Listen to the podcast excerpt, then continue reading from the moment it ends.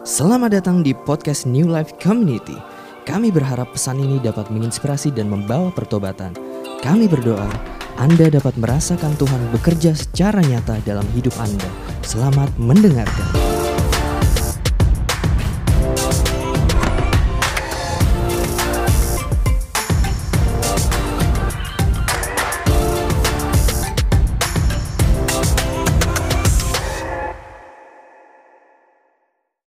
Mari kita mulai di Yohanes 10. Saya mulai dari Yohanes 10 karena menurut saya sebagai pembukaan dari apa yang saya amati, uh, kalau kita melihat ada prinsip-prinsip di Alkitab yang kalau kita pahami, kita akan lebih baik menghidupi kehidupan Kristen kita. Kita akan lebih baik dalam mengikut Tuhan. Yohanes 10 ayat 10 berkata seperti ini, pencuri datang untuk mencuri, membunuh, dan membinasakan. Aku datang supaya mereka mempunyai hidup dan mempunyainya dalam segala kelimpahan. Amin. Amin. Saudara-saudara, kalau dilihat di sini, jadi pencuri ketika Allah berbicara tentang musuh, Allah berbicara soal iblis. Iblis itu kerjaannya mencuri. Iblis itu datang untuk mencuri. Dia tidak selalu bisa untuk menyentuh atau mengambil milik saudara. Karena perlindungan Tuhan ya dan amin, betul? Tapi iblis itu bisa mencuri. Dia tahu dia nggak harus membunuh, dia nggak harus membinasakan dalam sekali jalan. Dia cukup mencuri beberapa hal penting aja. Maka saudara-saudari, maka bapak ibu, maka teman-teman, maka kita sebagai orang percaya, kita akan mulai berantakan hidupnya. Dia nggak perlu menyerang banyak, dia nggak perlu kayak kasih sakit penyakit yang seperti Ayub. Jarang yang Tuhan izinkan untuk untuk di, diserang atau di, di, digoda seperti Ayub. Berapa di antara kita yang cukup dicuri aja. Ketika kita kecurian, kita akan mulai uh, berjalan ke arah yang salah. Hanya karena beberapa hal penting dicuri dari hidup kita.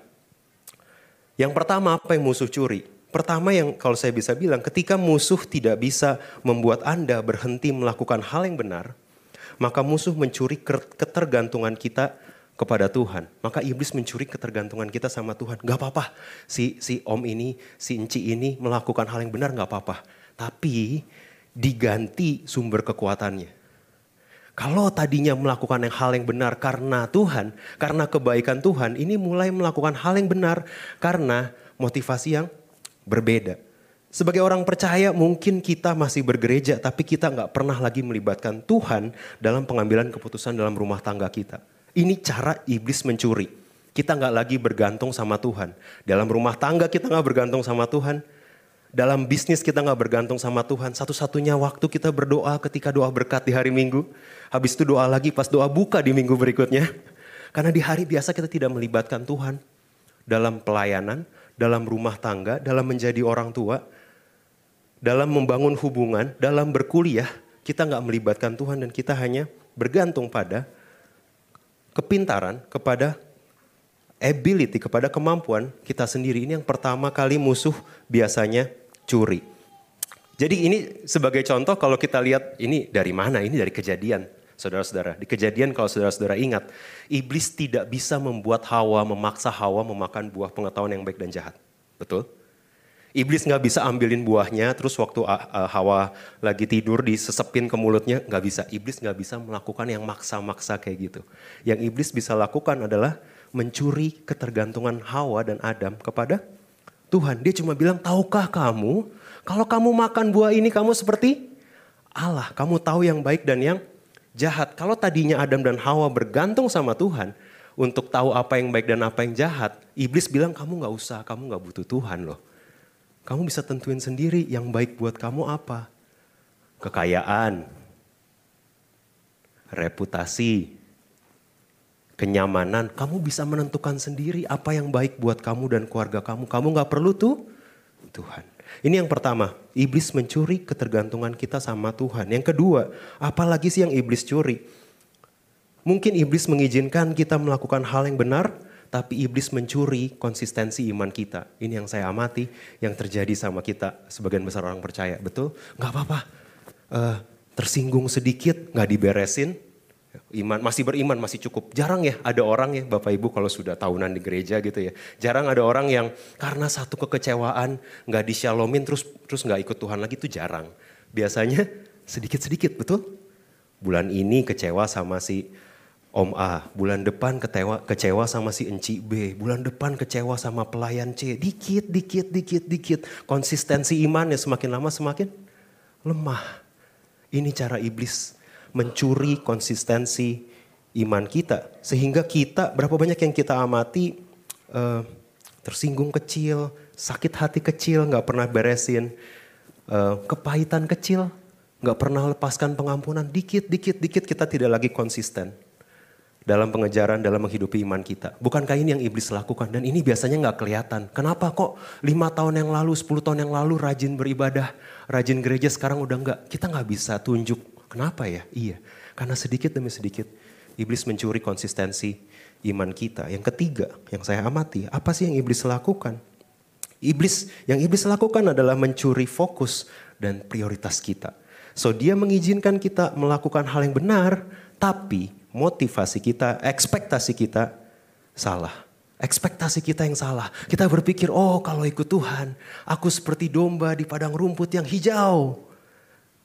Sampai akhir hidupku aku tidak perlu lagi kekurangan, betul? Allahku mencukupi semua kebutuhanku gitu kan. Sepanjang waktu sampai aku dipanggil pulang. Kita kayak ber, berekspektasi bahwa ikut Tuhan berekspektasi bahwa ikut Tuhan, berekspektasi bahwa ketika kita jadi orang Kristen, ketika kita rajin bergereja, ketika kita rajin pelayanan, kita terbebas dari kekurangan dan terbebas dari masalah.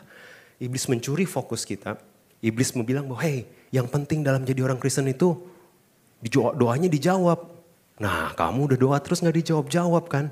Artinya percuma ikut Tuhan, betul? Ini yang iblis curi, fokus kita dicuri, prioritas kita yang banyak dicuri. Dan dan pencurian-pencurian ini yang namanya mencuri beda sama nodong sama nodong beda ya. Mencuri sama nodong atau begal beda ya. Kalau nodong atau begal kamu bisa lihat pelakunya betul? Saudara-saudara bisa lihat pelakunya, ini orang ini, ini yang nodong saya gitu ya, bawa senjata. Pencuri biasanya tidak tidak kelihatan. Kita nggak tahu peristiwa apa, siapa yang bikin kita jauh dari Tuhan, siapa yang bikin kita tawar, kita nggak nggak langsung tahu karena iblis kerjanya men mencuri. Dia cukup mencuri kepercayaan kamu pada pasangan kamu.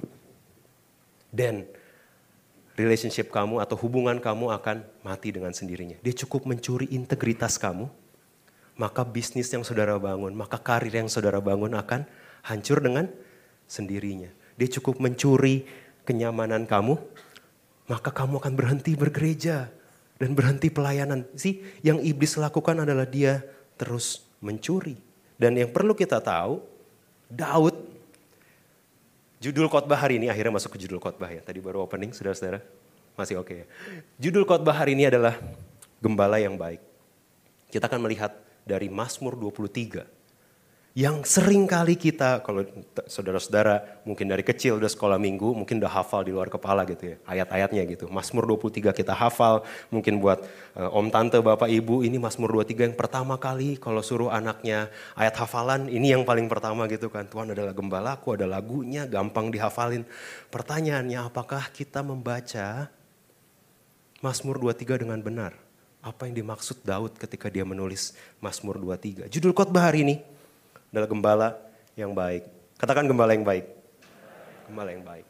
Mazmur 23 ayat yang pertama. Mazmur Daud. Tuhan adalah gembalaku. Takkan kekurangan aku. Ia membaringkan aku di padang yang berumput hijau. Ia membimbing aku ke air yang tenang.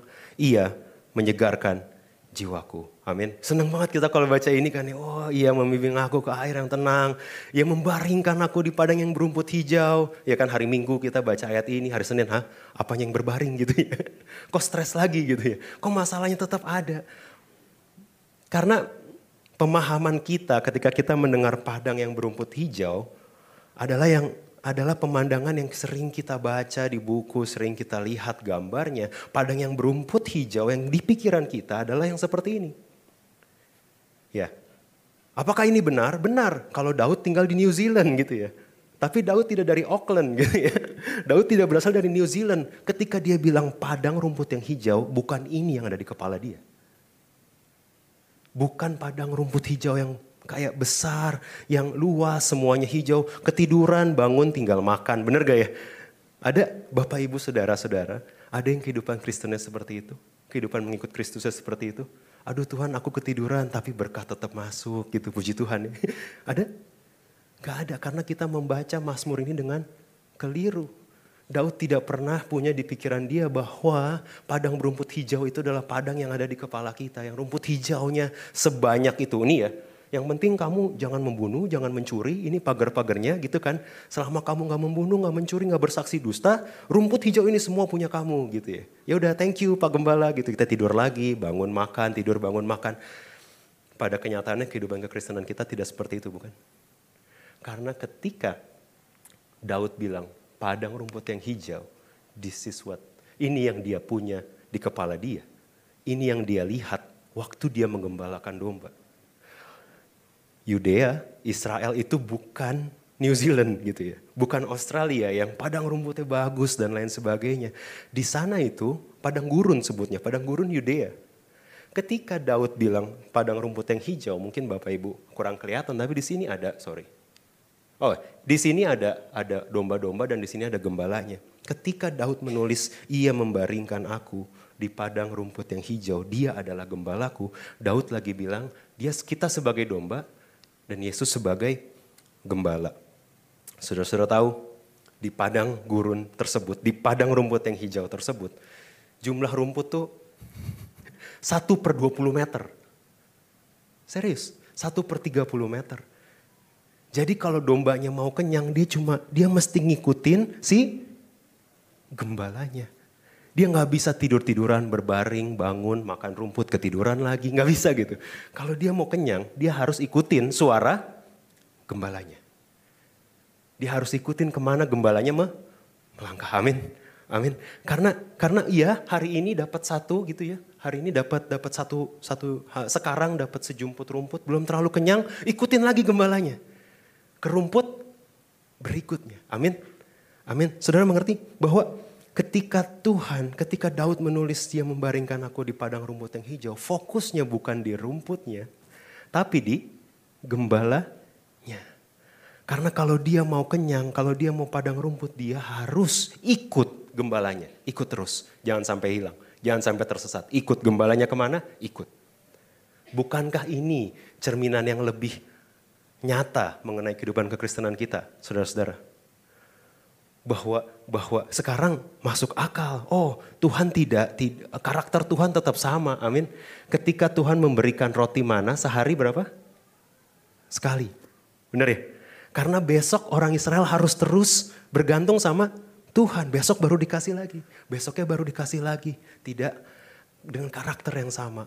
Ikut padang rumput sedikit, ikut lagi suara Tuhan, dapat lagi sedikit. Abis ini di mana? Kasih tahu dong, lima tahun ke depan arahnya yang mana? Kadang-kadang Tuhan gak kasih tahu. Kadang-kadang Tuhan, ya ikut aku.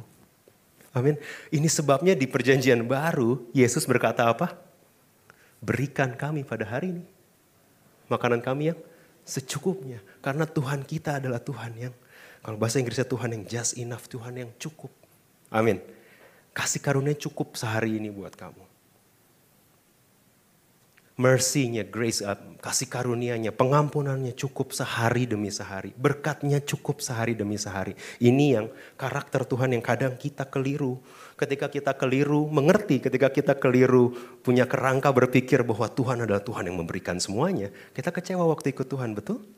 Karena katanya kalau ikut Tuhan tidak kekurangan. Kok saya masih mengalami kekurangan? Tahukah saudara-saudara kadang-kadang Tuhan mengizinkan kita melalui kekurangan. Supaya kita ikut lagi sama dia.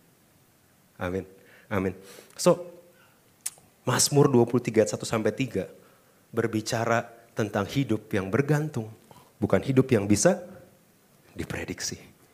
Mazmur 23 berbicara soal hidup yang bergantung sama Tuhan, bukan hidup yang bisa diprediksi. Siapa dari antara saudara-saudara yang bisa bersaksi bahwa Tuhan kita tidak bisa diprediksi? Cara kerja dia sama si Enci yang ini beda sama yang Enci yang ini. Cara kerja dia sama om yang ini beda sama om yang ini. Cara kerja dia sama saudara yang satu berbeda sama yang lain. Karena Tuhan kita tidak bisa diprediksi. Tahukah saudara-saudara? Di Lukas, di Lukas 8, Yesus waktu itu kedatangan seorang imam yang namanya Yairus. Dan Yairus bilang sama dia, anakku sakit dan hampir mati. Kalau kalau saudara-saudara baca apa yang Yesus lakukan setelahnya, Yesus bergegas. Apa? Anakmu hampir mati. Yesus langsung berjalan menuju ke rumah Yairus. Tapi, tapi di Yohanes 11 ketika ada yang datang ke Yesus dan bilang, "Tuhan, temanmu Lazarus hampir mati." Saudara-saudara tahu apa yang Yesus lakukan? Yesus tambah nginep dua hari. Baru datang ke Lazarus. Hei, bukankah Tuhan bekerja dengan cara yang berbeda? Karakteristik dia tidak berubah, konsistensi dia tidak berubah. Dia Tuhan yang baik, dia waymaker, dia healer, dia promise keeper. Tapi cara dia melakukan tidak bisa kita prediksi.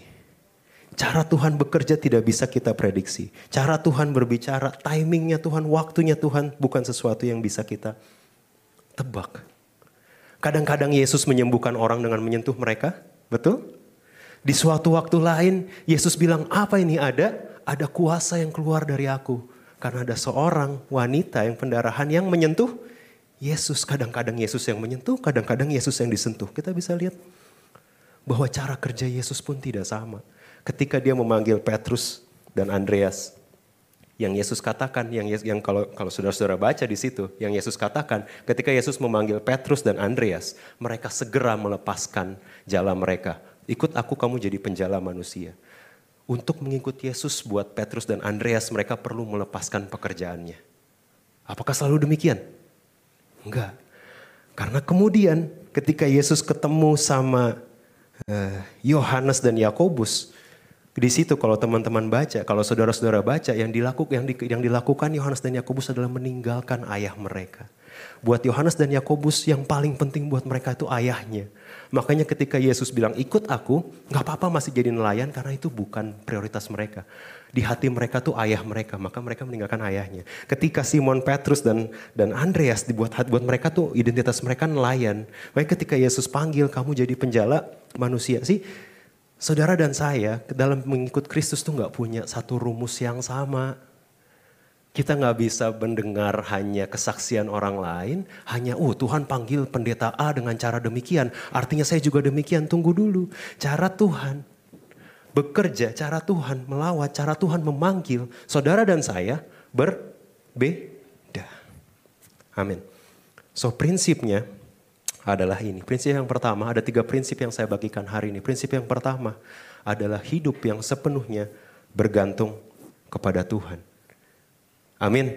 Ketika musuh mencoba mencuri ketergantungan kita sama Tuhan, pertanyaan saya sama saudara, seberapa bergantung saudara sama Tuhan hari-hari ini?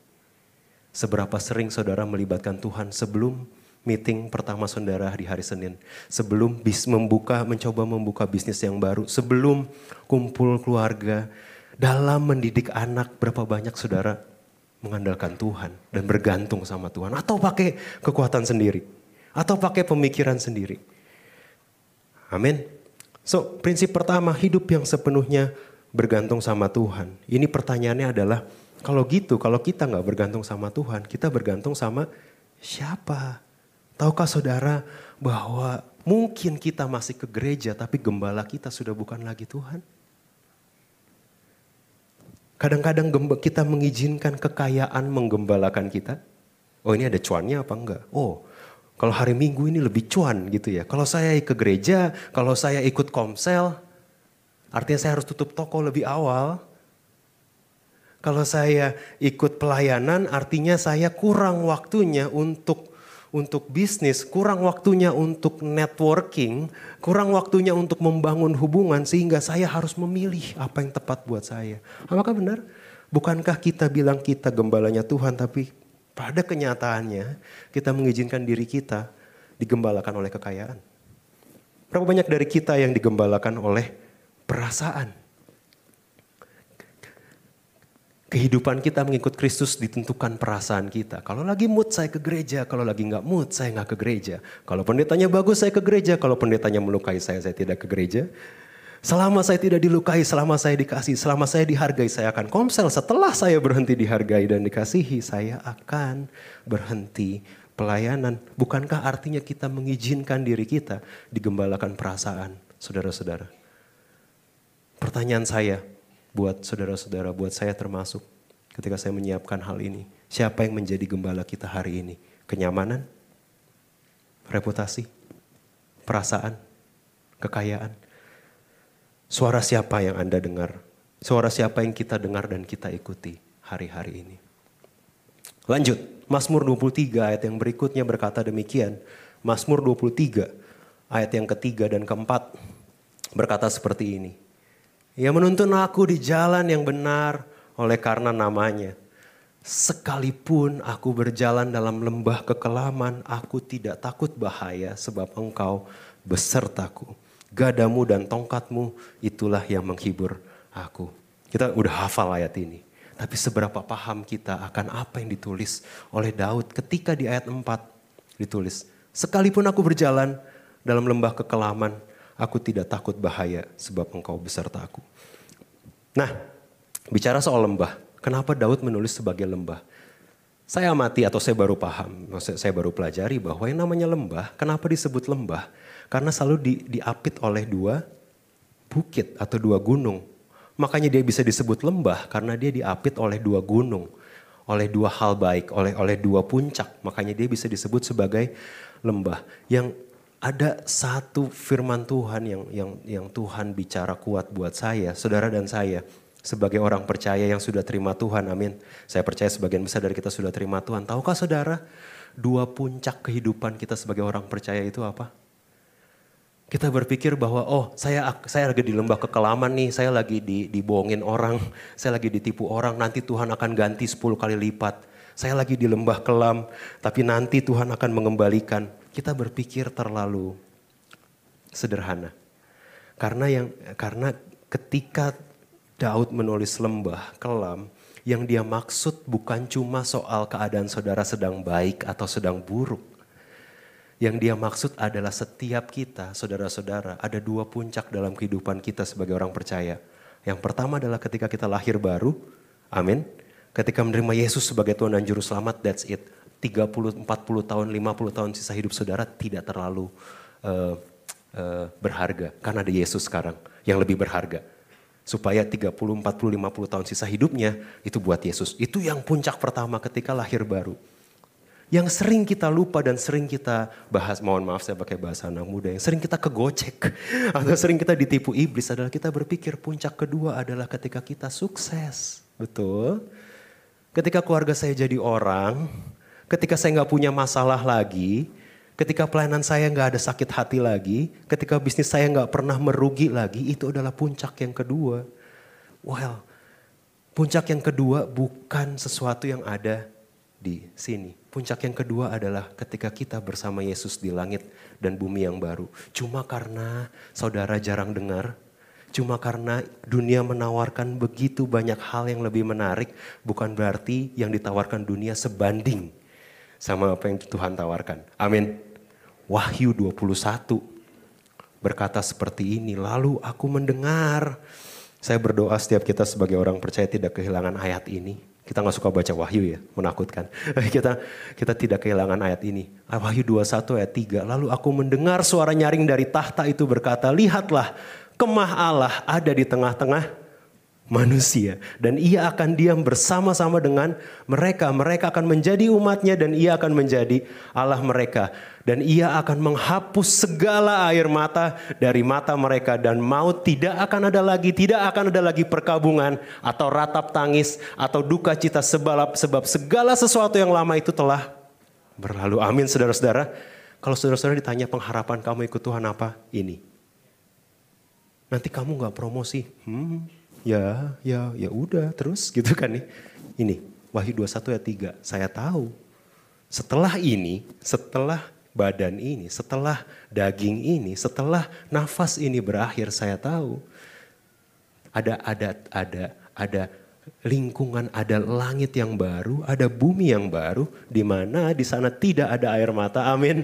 Tidak ada lagi duka cita, tidak ada perkabungan, tidak ada ratap tangis, dan Tuhan ada di tengah mereka kita bareng sama Tuhan lagi. Eh Yesus apa kabar gitu kan. Itu yang jadi pengharapan kita saudara-saudara. Bukan cuma sekedar lebih kaya dari tetangga. Atau lebih sukses dari ketua komsel sebelah. Puncaknya adalah ketika kita bersama lagi sama Tuhan. Amin. Saya berdoa kita sebagai orang Kristen tidak kehilangan pengharapan ini. Saya lanjut, saya lanjut ke satu ayat yang tadi kita baca. Selain lembah kekelaman, di situ Daud menulis, Aku menuntun, engkau menuntun ke jalan yang, ia menuntun aku di jalan yang benar oleh karena namanya. Nah, jalan yang benar juga uh, adalah sebuah, kalau saya bisa bilang, kita sering kali mungkin bahasanya salah kaprah ketika kita mendengar tentang jalan yang benar. Jalan yang benar itu artinya masuk perusahaan A atau perusahaan B. Menikah sama si C atau menikah sama si D. Gereja di E atau gereja di F. Pelayanan di G atau pelayanan di H. Kita berpikir jalan yang benar itu kayak ya itu lurus, sudah pasti dan yang ini atau yang ini Tuhan. Kita berpikir jalan yang benar itu kayak gitu. Kalau masih sekolah minggu, jalan yang benar biasanya lurus. Betul ya? Jalan yang besar gitu yang ke neraka gitu ya. Ada api-apinya tapi jalan yang benar tuh lurus, pintunya kecil, ada Yesus di sana gitu. Kayak lurus gitu. Ini suatu conception atau suatu pemikiran yang bikin kita cepat kecewa. Saudara-saudara. Karena jalan yang benar yang ditulis oleh Daud, bahasa Ibrani-nya Magele. Jalan yang benar ini dalam bahasa Inggrisnya circular atau bahasa Indonesianya mengelilingi. Masih bicara domba, masih bicara domba. Saudara-saudara melihat garis-garis ini yang ada di padang gurun ini? Ya, garis-garis ini awalnya kita berpikir ini adalah karena kalau teman-teman yang belajar uh, fisika, biologi, mungkin karena angin, karena sedimentasi, jadi banyak garisnya, karena anginnya keras di sana jadi bergaris-garis. Wrong, salah. Saudara-saudara tahu kenapa ini bergaris-garis?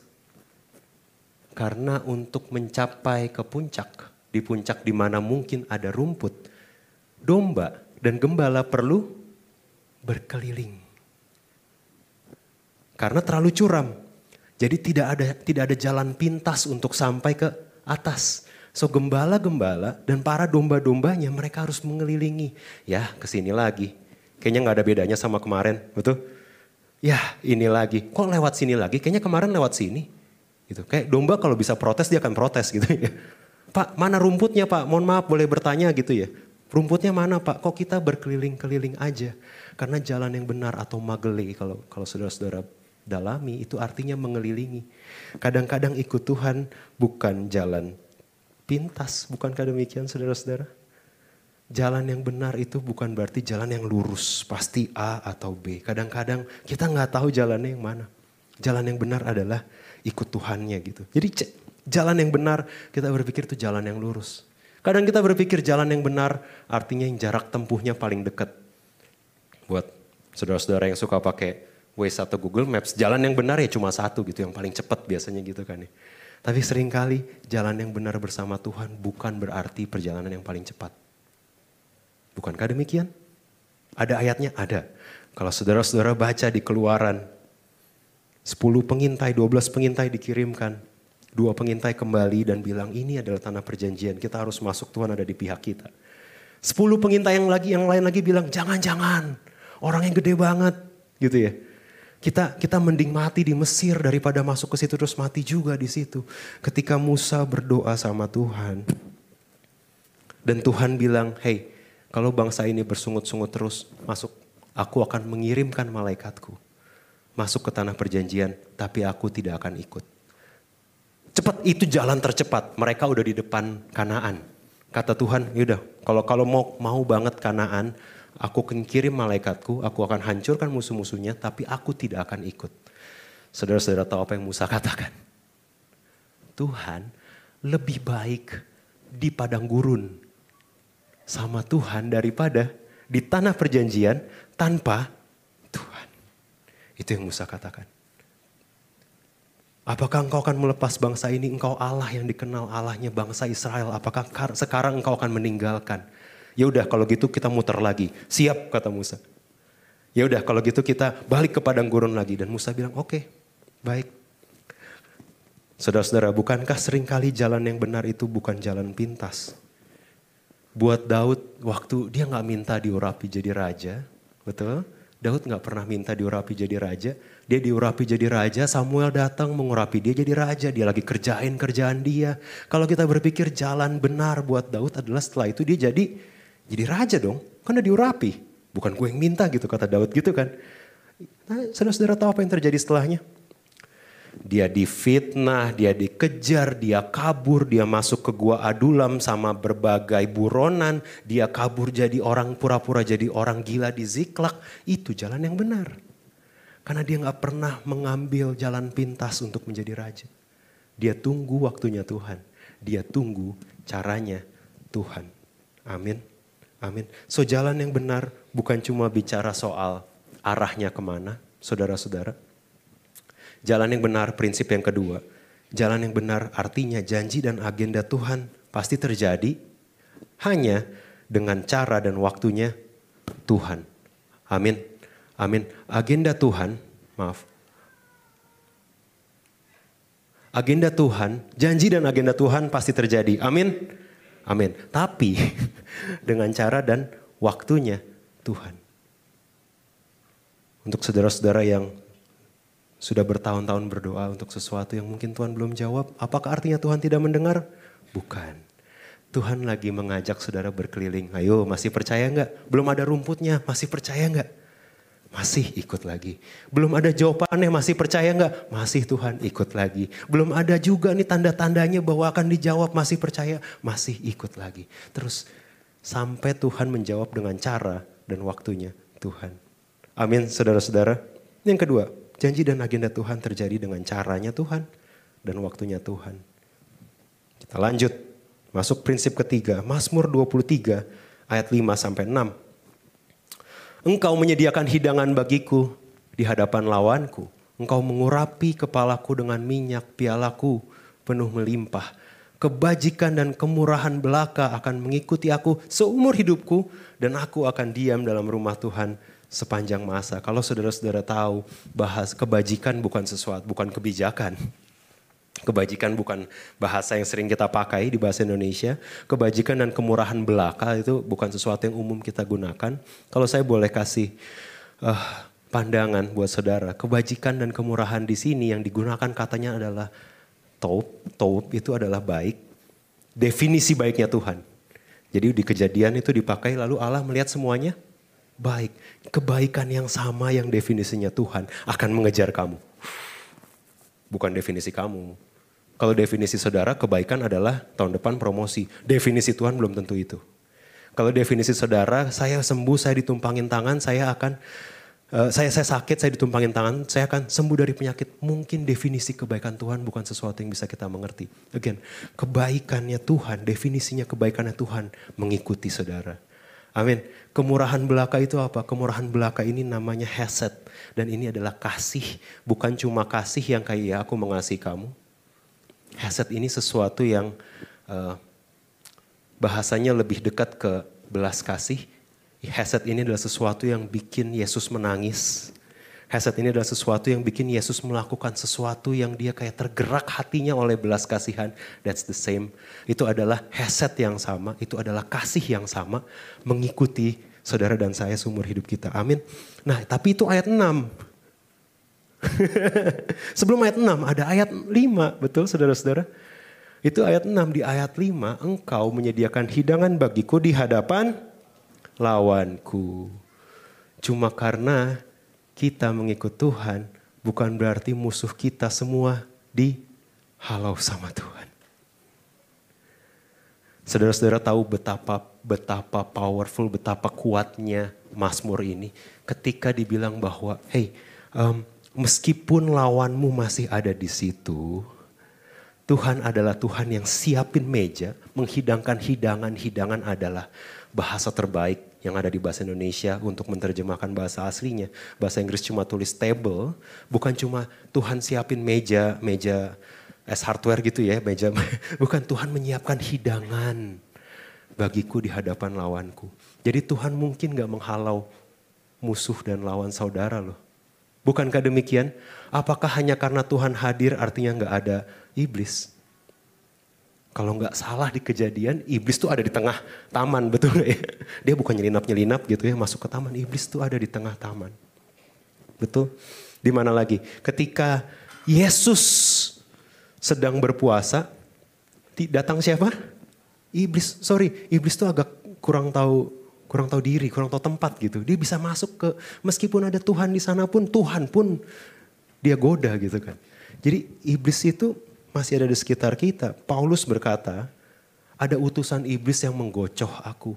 Aku berdoa untuk ini dilepaskan tapi kata Tuhan cukup kasih karuniaku bagimu. Ini berbicara bahwa hanya karena kita mengikut Tuhan, saudara-saudara, bukan berarti musuh kita hilang.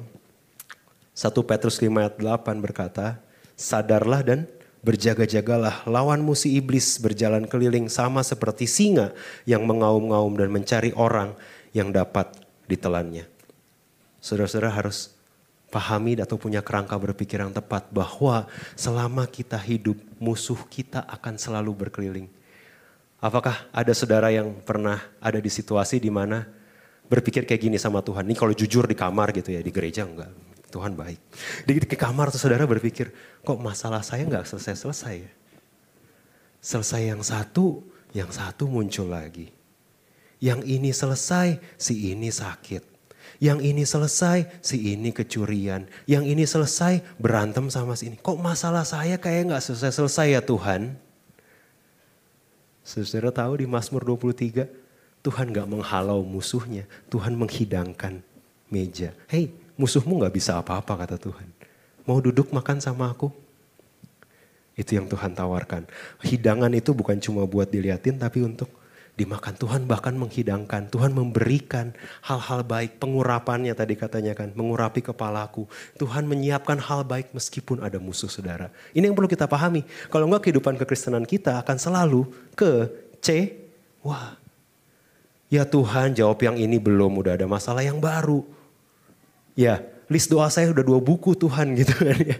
Jawab kayak satu gitu kan ya. Kenapa masalah nggak selesai-selesai? Karena Tuhan menghidangkan, menyiapkan hidangan bagiku bahkan di hadapan lawanku. Nah ketika kita bicara soal meja hidangan atau meja makan. Saya amati di waktu work from home saya.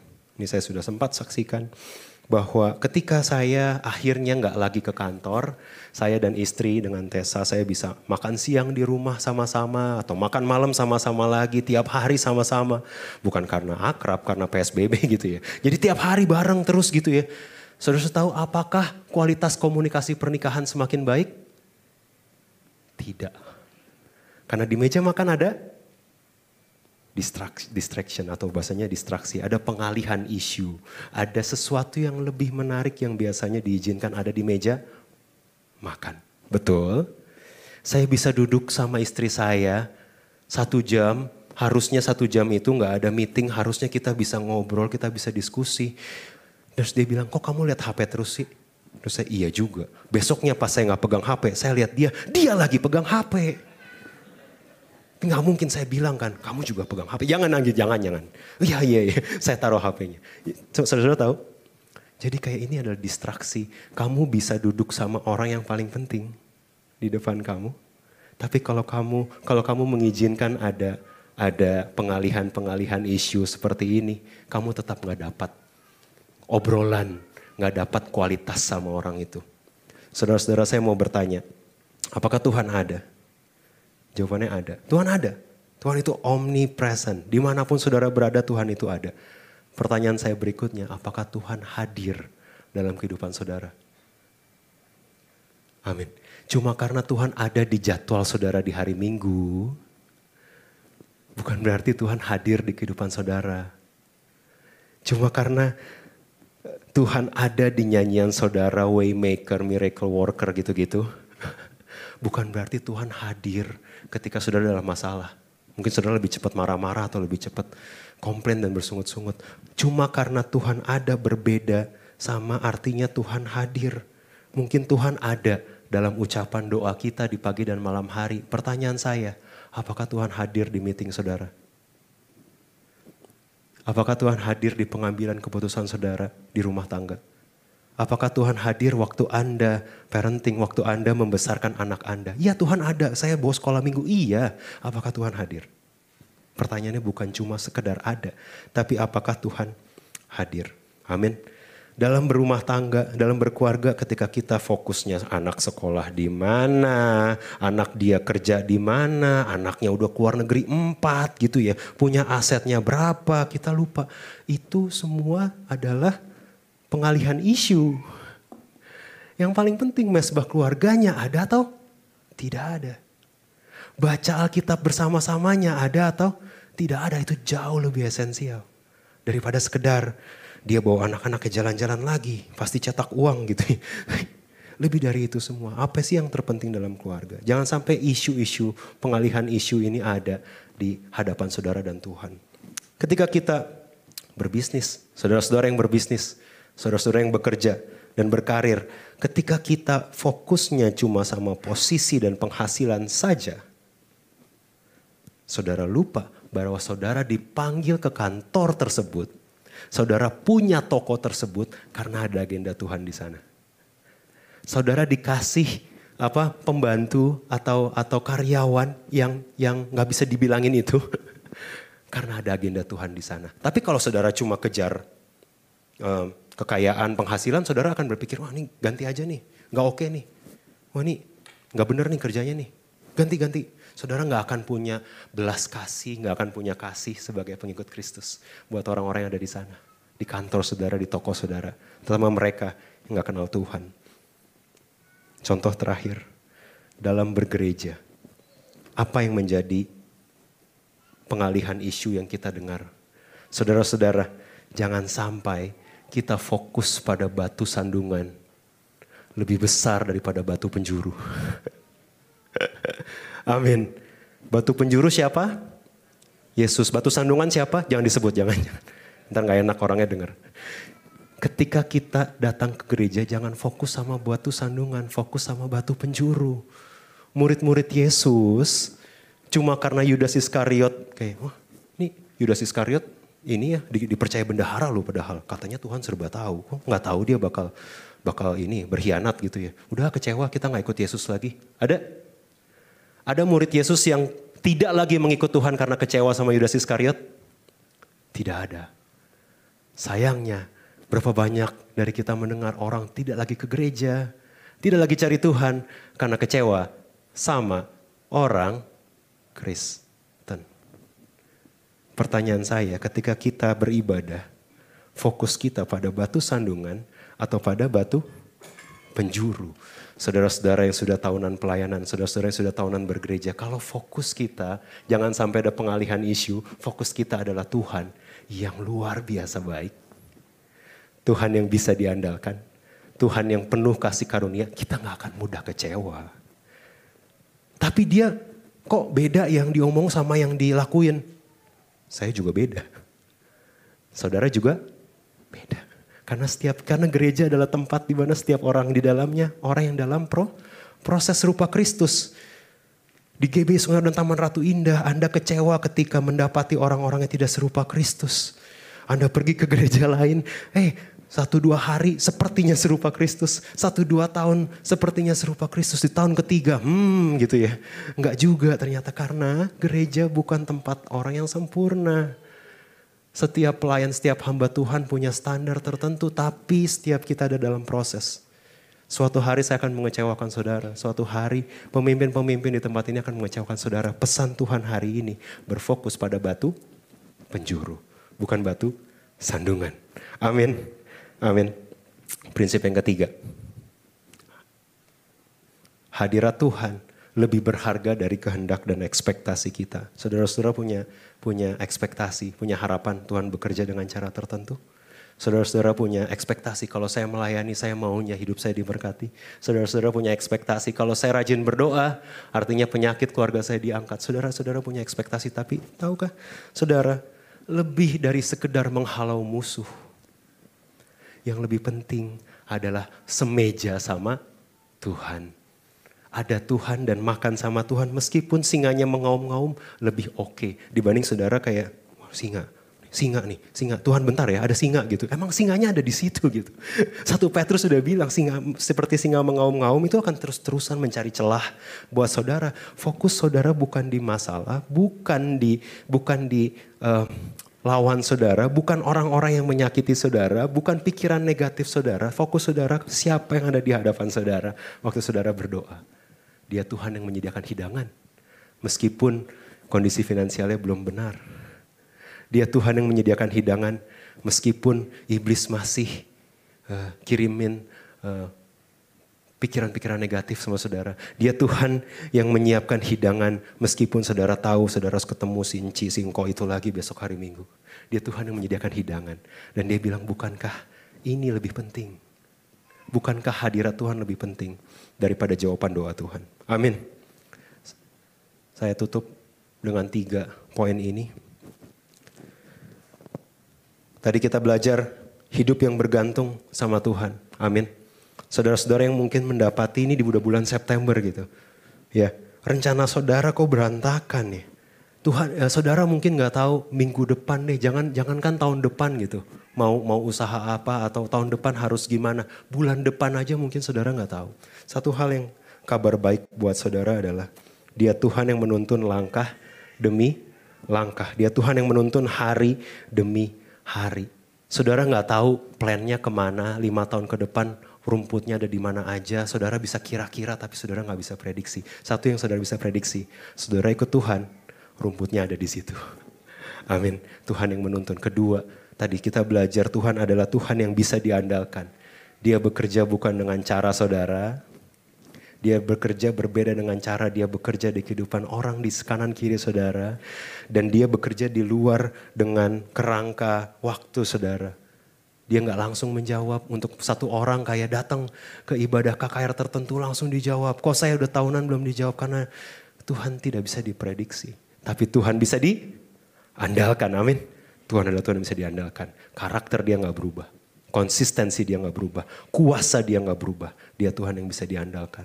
Dan dia yang ketiga, dia adalah Tuhan yang hadir. Amin. Dia adalah Tuhan yang ada dan selalu hadir. Pertanyaannya apakah saudara menghidupi kehadiran Tuhan atau tidak dalam kehidupan saudara. Apakah saudara berfokus sama masalah, aduh hari ini masalah si A lagi, masalah si B lagi, doa saya nggak dijawab-jawab, si C ngeluh lagi, si D sakit lagi, atau saudara melihat, hey hari ini adalah hari ini dijadikan Tuhan. Dan Tuhan ada sama saya, halo A, halo masalah B, halo masalah C, saya duduk sama sama Tuhan. Dia Tuhan yang hadir di Yesaya 54 berkata, setiap senjata yang ditempa terhadap engkau tidak akan berhasil. Di Roma 8 berkata seperti apa saudara-saudara? Ini kabar baik buat saudara. Sebab itu apakah yang akan kita katakan tentang semuanya itu? Jika Allah di pihak kita, siapakah yang akan melawan kita? Amin. Terima kasih sudah mendengarkan podcast ini. Kami berdoa Anda diberkati melalui pesan yang telah disampaikan. Mari sapa kami melalui Instagram @newlifec dan bagikan pesan ini supaya lebih banyak orang yang diberkati.